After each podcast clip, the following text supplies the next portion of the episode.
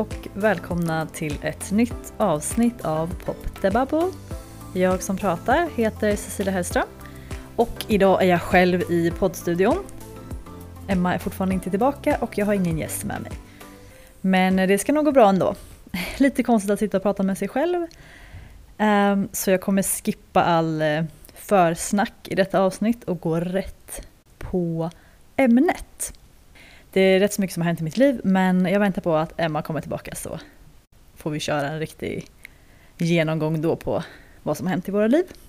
Ehm, och jag eh, tycker just volontärturism är väldigt intressant och det är något som jag skulle vilja prata om i den här podden. Men för att förstå varför volontärturism kan vara problematiskt så måste man först börja med att prata om white saviorism för att förstå vad det är. Ehm, så jag tänker att i det här avsnittet så kommer jag fokusera på white saviorism och sen i nästa avsnitt gå mer ingående på volontärturism och vad som är problematiskt med det.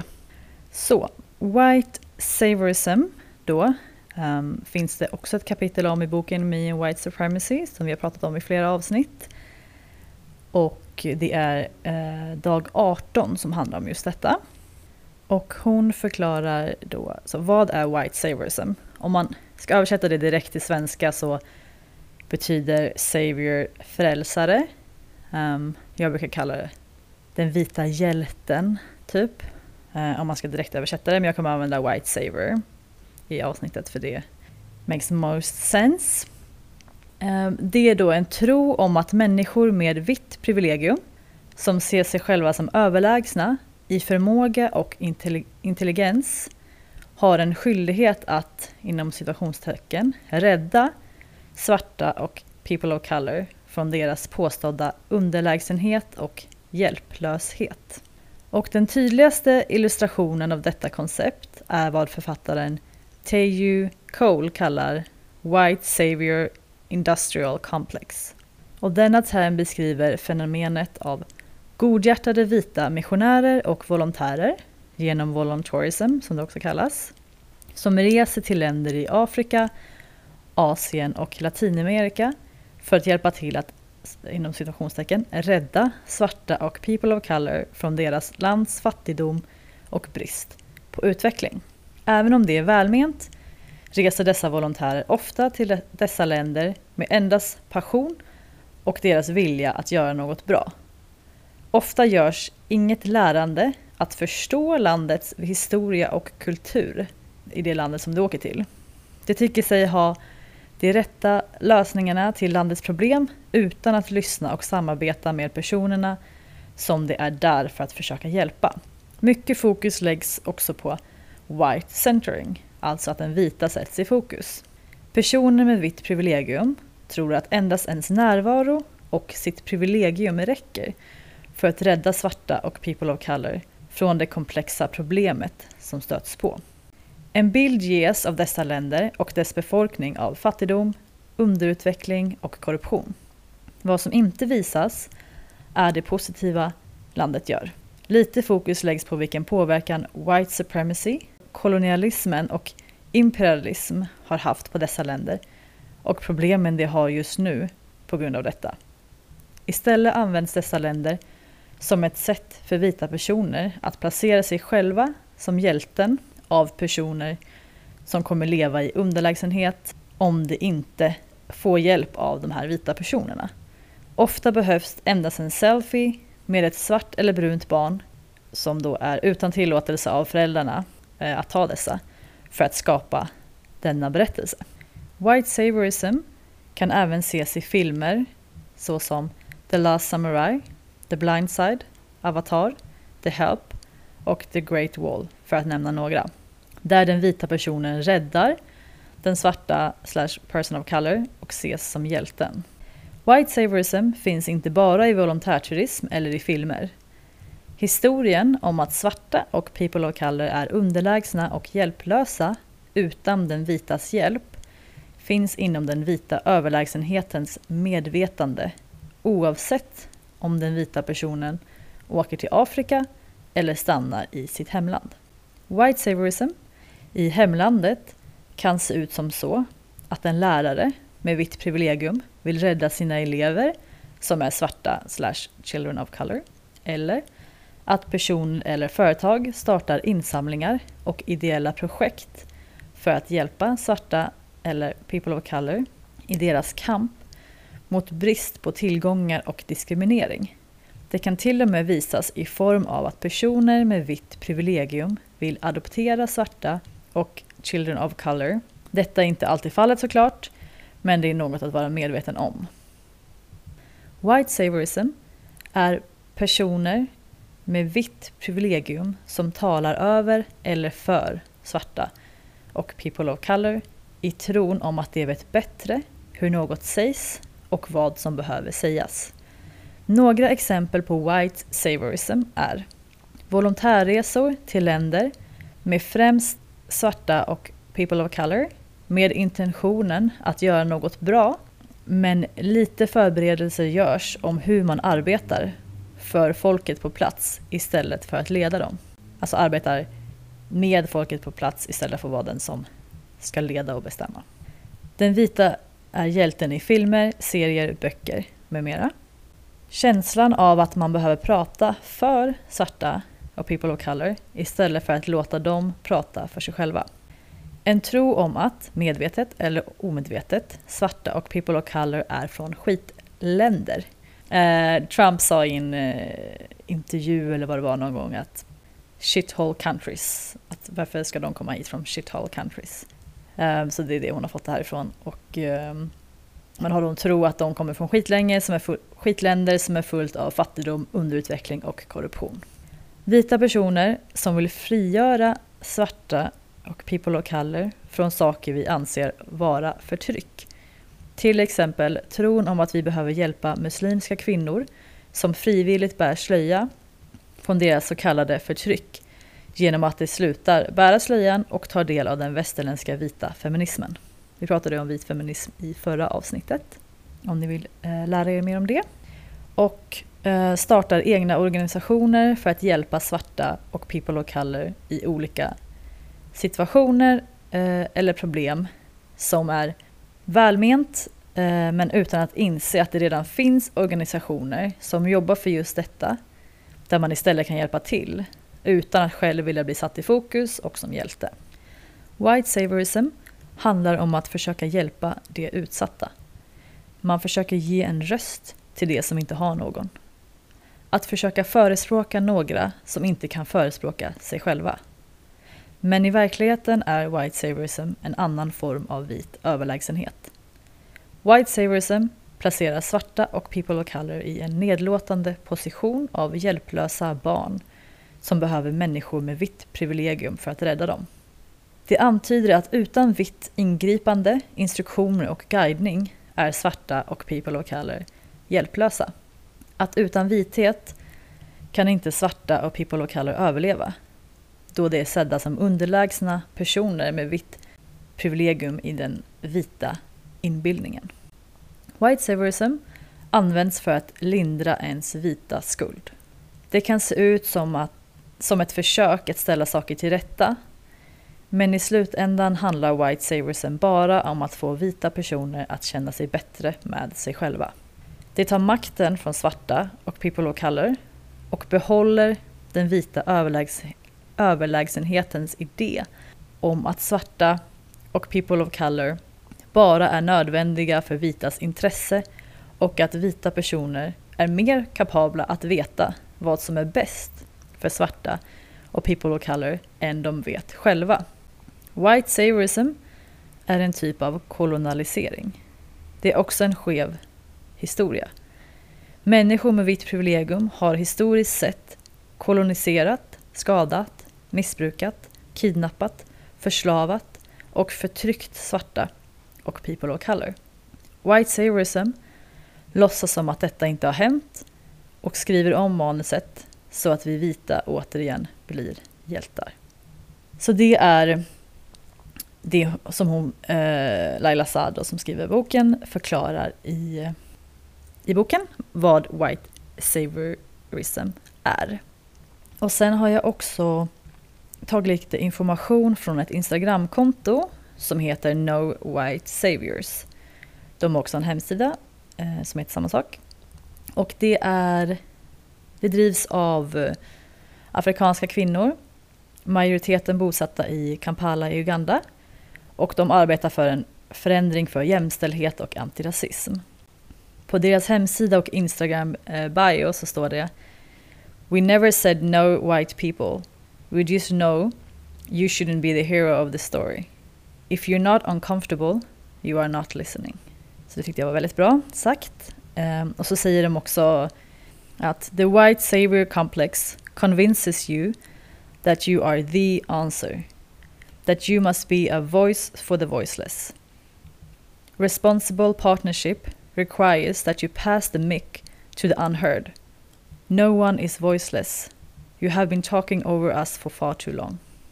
Så de säger ju samma sak som Leila säger i boken att ingen är voiceless. Och att vi som vita då med den här white saviorism försöker prata för några som vi inte tror kan prata för sig själva. Men det kan de såklart. Och eh, de pratar också om eh, problematiken med eh, adoption från då främst Uganda och hur kvinnliga volontärarbetare som ofta är i tidig 20-årsålder kommer till Uganda och spenderar en tid där och sen då tycker så synd om de här barnen som de träffar som ofta är i sin tonår redan.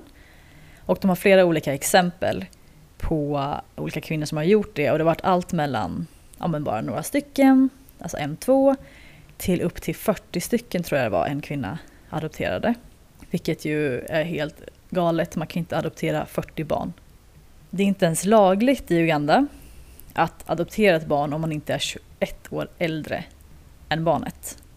Så alla de här äh, kvinnorna då som är i 20-årsåldern som adopterar tonåringar, det är inte lagligt. Det är liksom mot lagen. Och de här äh, kvinnorna då tror att de eh, inom citationstecken do good och då ska hjälpa de här barnen. Men det är ju en del av the white saviorism.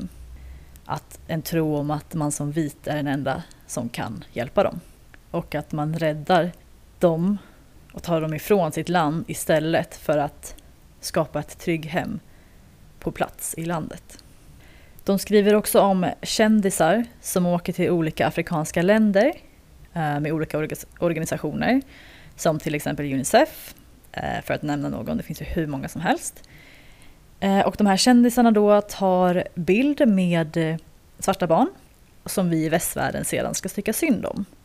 Och ett exempel de har är på Gerard, Gerard Butler som eh, la upp på sin Instagram eh, bild med flera olika barn. Ett, en bild var eh, när han satt på knä och höll i en skål med mat, tror jag det var. Och höll liksom fram mot den här flickan. En svart eh, flicka. Och det såg ut som en person som ska mata en hund i princip. Eh, när jag såg den bilden tänkte jag också, okej okay, det här är liksom, det här är insane. Um, och att han inte kunde se det själv, det är ju bara en del av den här white saviorism. Såklart. Eh, och så har de jättemycket olika kändisar, de visar olika bilder när de har varit i olika afrikanska länder främst och tar bild på de här barnen. Och de säger att vi ska inte behöva använda foton av personer i sitt mest utsatta läge för att kunna samla in pengar. Vi ska inte heller behöva använda kända personer i dessa foton för att få personer att bry sig. En reflektion som jag fick är så här, att det är ju problematiskt när vita personer tar bilder med svarta barn. Eller barn of color. För att i Sverige till exempel, man hade ju inte gått till en lekpark och tagit en bild tillsammans med ett främmande barn. Det hade ju aldrig hänt. Så varför gör man det med svarta barn? Som man inte känner. Man vet inte ens om det är okej okay för föräldrarna att man tar den här bilden. Och man vet inte ens om det är okej okay att dela den på sociala medier. Om barnet är naket till exempel är ju situationen ännu värre. Eh, och det pratar de också om på sitt, på sitt konto att det är väldigt vanligt att vita personer tar kort på nakna afrikanska människor inte kanske just barn, men barn och vuxna. Och anser att det är okej okay på något sätt, men personen hade aldrig lagt upp en bild på naket vitt barn. Och det är ju på ett, att man inte ser de här personerna som lika mänskliga som sig själv. Så det är ju det, det är där också problem, problematiken ligger. Och så säger de också att engagera sig och göra bra är inte problemet. Det ska vi fortsätta göra. Men det är sättet vi gör det på. The White Savior Complex fokuserar på att adressera symptomen snarare än vart problemet faktiskt kommer ifrån. Och så, så berättar de då hur man kan undvika White Savior Complex som känd eller egentligen vem som helst. Och då är det då först eh, då i, i koppling med bilder, om man ska ta bild när man är eh, bland svarta och eh, people of color i eh, andra länder. Först, fråga dig själv vilken historia fotot berättar. Bekräftar det eller utmanar det stereotyper eller skadliga berättelser? Alltså, berättar eh, bilden att det här är ett fattigt barn, det här barnet är det synd om. Då är det fel. 2. Dela din plattform, men sätt inte dig själv i fokus som hjälten. 3. Uppmärksamma arbetet den lokala personen gör, personalen gör. Om du behöver ta ett foto, ta det med dem istället för de utsatta personerna. Vi som vita gör faktiskt ingen skillnad i samhället. Den lokala personen gör det. Så visa den sanna historien. Och de säger också, det här är en direkt översättning. Om vi inte är i trasiga kläder så är vi fattiga men glada. Handlingen ändras aldrig och slutliga målet är i princip samma. Men snälla, ingen är nöjd med att vara fattig.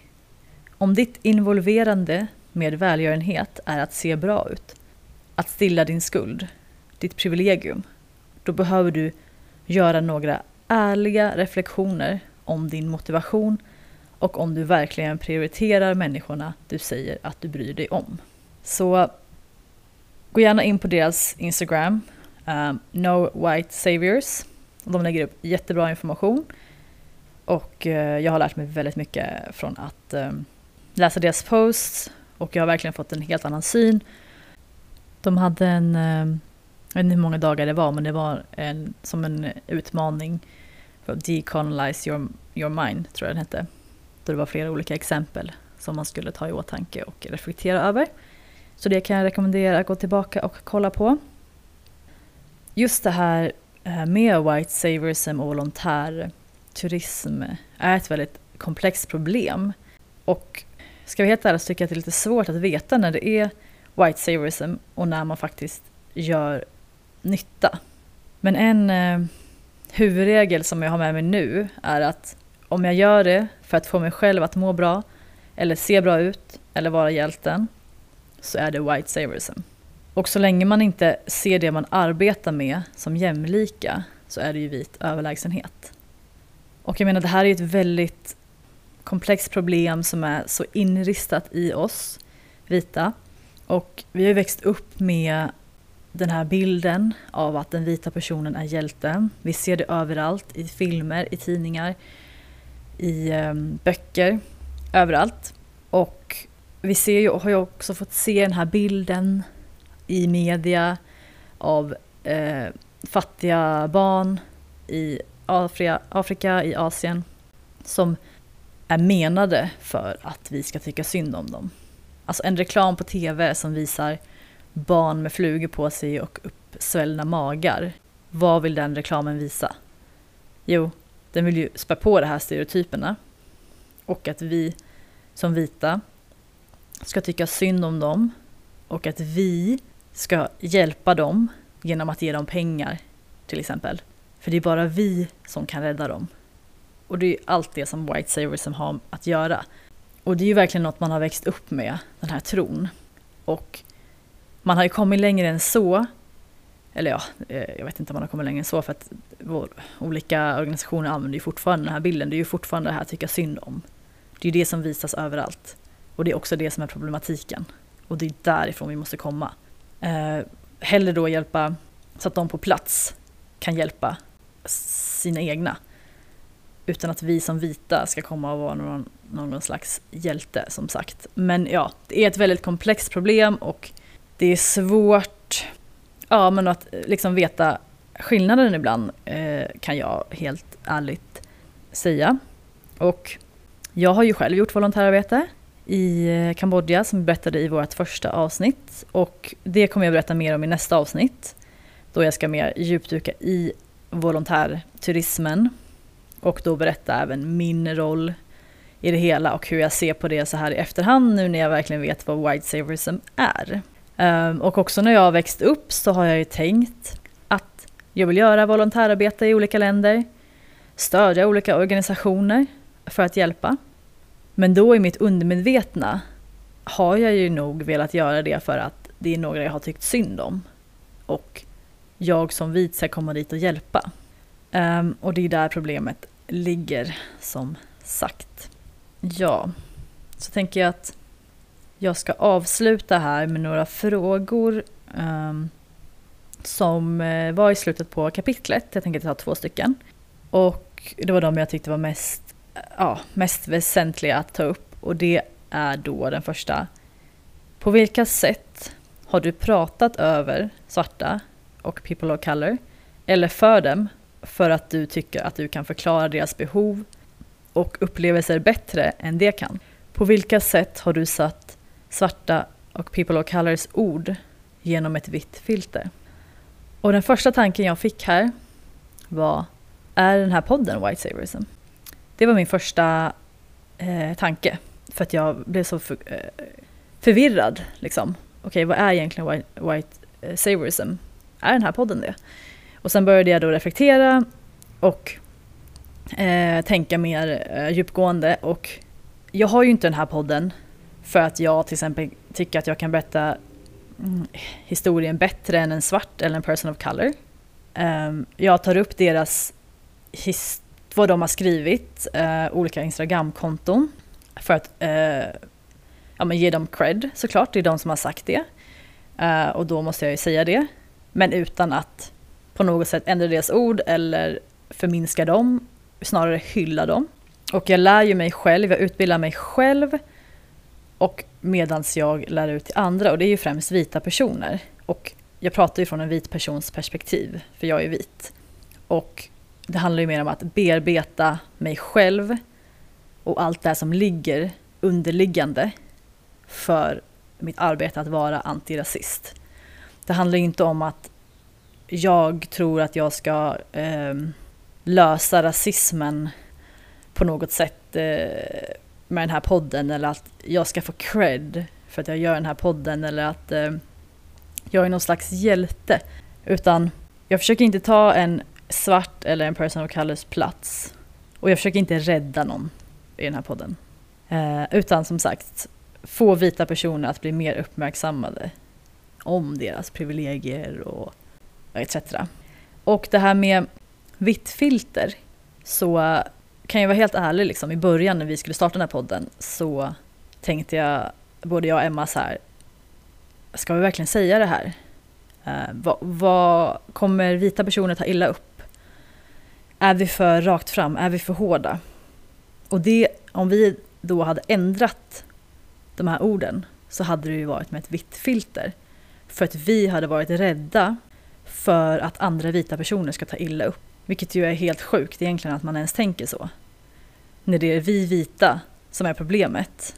Och vi måste jobba med oss själva för att göra någonting som vi skulle ha gjort flera hundra, eller flera, flera, flera år sedan. Så det är nog något också man måste tänka på det här med att inte sugarcoat anything. För att det här, det här är så det är och det vi säger i den här podden det är liksom fakta och det är så det är. Om du tar illa upp av det, ja, då får du göra det. Men vi kan inte hålla på och skydda oss själva, eh, oss vita längre, för att vi tycker att det är så jobbigt att prata om det här. För att det, liksom vi har kommit längre än så nu. Vi måste komma längre än så nu. Så eh, ja. Och sen den andra frågan var eh, kopplat om, jag har redan tagit upp lite, men ah, hur har du omedvetet tänkt att bryta ner rasism som något du behöver göra för att ge din hjälp som en bra white savior. Och helt ärligt så har jag nog tänkt så eh, förut. Att jag ska göra bra och jag är en bra person liksom om jag eh, är med och bryter ner rasismen.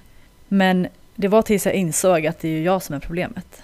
Det är vi vita som är problemet. Hur och vad vi än gör inom vår antirasistiska arbete är vi aldrig hjältar eller gör bra. Vi gör ju bara det vi skulle ha gjort för länge sedan. Vi förtjänar ingen medalj för att vi äntligen, efter alla dessa år, arbetar för att vara antirasister. Vi, liksom, vi gör inte det här för att, eller vi ska inte göra det här för att se bra ut. Utan för att faktiskt inse att det är inget val. Och det här med att det är dåligt, bra och dåligt perspektiv hela tiden är så vanligt inom rasism och antirasism. Det är så här, antingen är man en bra människa eller så är man en dålig människa. Och då vill man göra bra.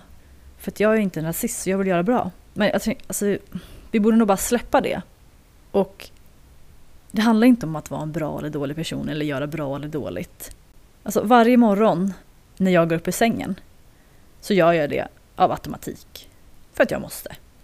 Jag gör inte det för att jag är en bra person eller för att jag ska få en medalj. Och jag gör det av automatik varje dag. Det går på löpande band liksom. Jag går upp och jag, jag gör min dag. Och så borde det också vara med antirasismen. Att det är bara någonting man gör. Ja, det är hard work. Alltså absolut. Men det är liksom inget val. Utan det är något man gör varje dag. Man arbetar varje dag för att vara antirasist. Och det, det betyder inte att man är en bra eller dålig person. Det bara är vad det är. Och jag tror att det är dit vi måste komma. Och släppa det här med bra, dålig person. Och istället inse varför vi gör det. Och då att det inte ska vara för att man själv vill se bra ut eller att det är en trend eller att man vill vara en hjälte eller något sånt. Så ja, det är de eh, reflektionerna jag har fått i det här kapitlet av eh, boken och det här Instagramkontot. Och eh, ja, det finns ju så mycket att eh, reflektera och djupdyka i det här känner jag. Och det var därför jag eh, också vill göra två avsnitt. Där jag eh, i nästa avsnitt då kommer fokusera på just volontärturismen och mer ingående problematiken kring detta. Det är ju hur stort som helst, den industrin. Den växer och växer. Och som alla vet när det är ett eh, behov av någonting så behöver man ju också ha ja, produkten. Eh, och i det här fallet så kan produkten till exempel vara barn på barnhem. Och ju mer människor som vill vara volontärer, ju mer barn behöver man. Så vad händer egentligen då? Så det ska jag gå in på i nästa avsnitt och även då som sagt berätta om min egna upplevelse som volontär och vara helt ärlig i detta. Så ja, jag tror att det är allt för idag. Eh, tack så jättemycket för att ni har lyssnat. Jag hoppas att ni har lärt er något och jag hoppas att ni börjar reflektera själva över er roll inom det här White Saviorism. Ha en underbar dag. Vi hörs nästa vecka. Puss och kram!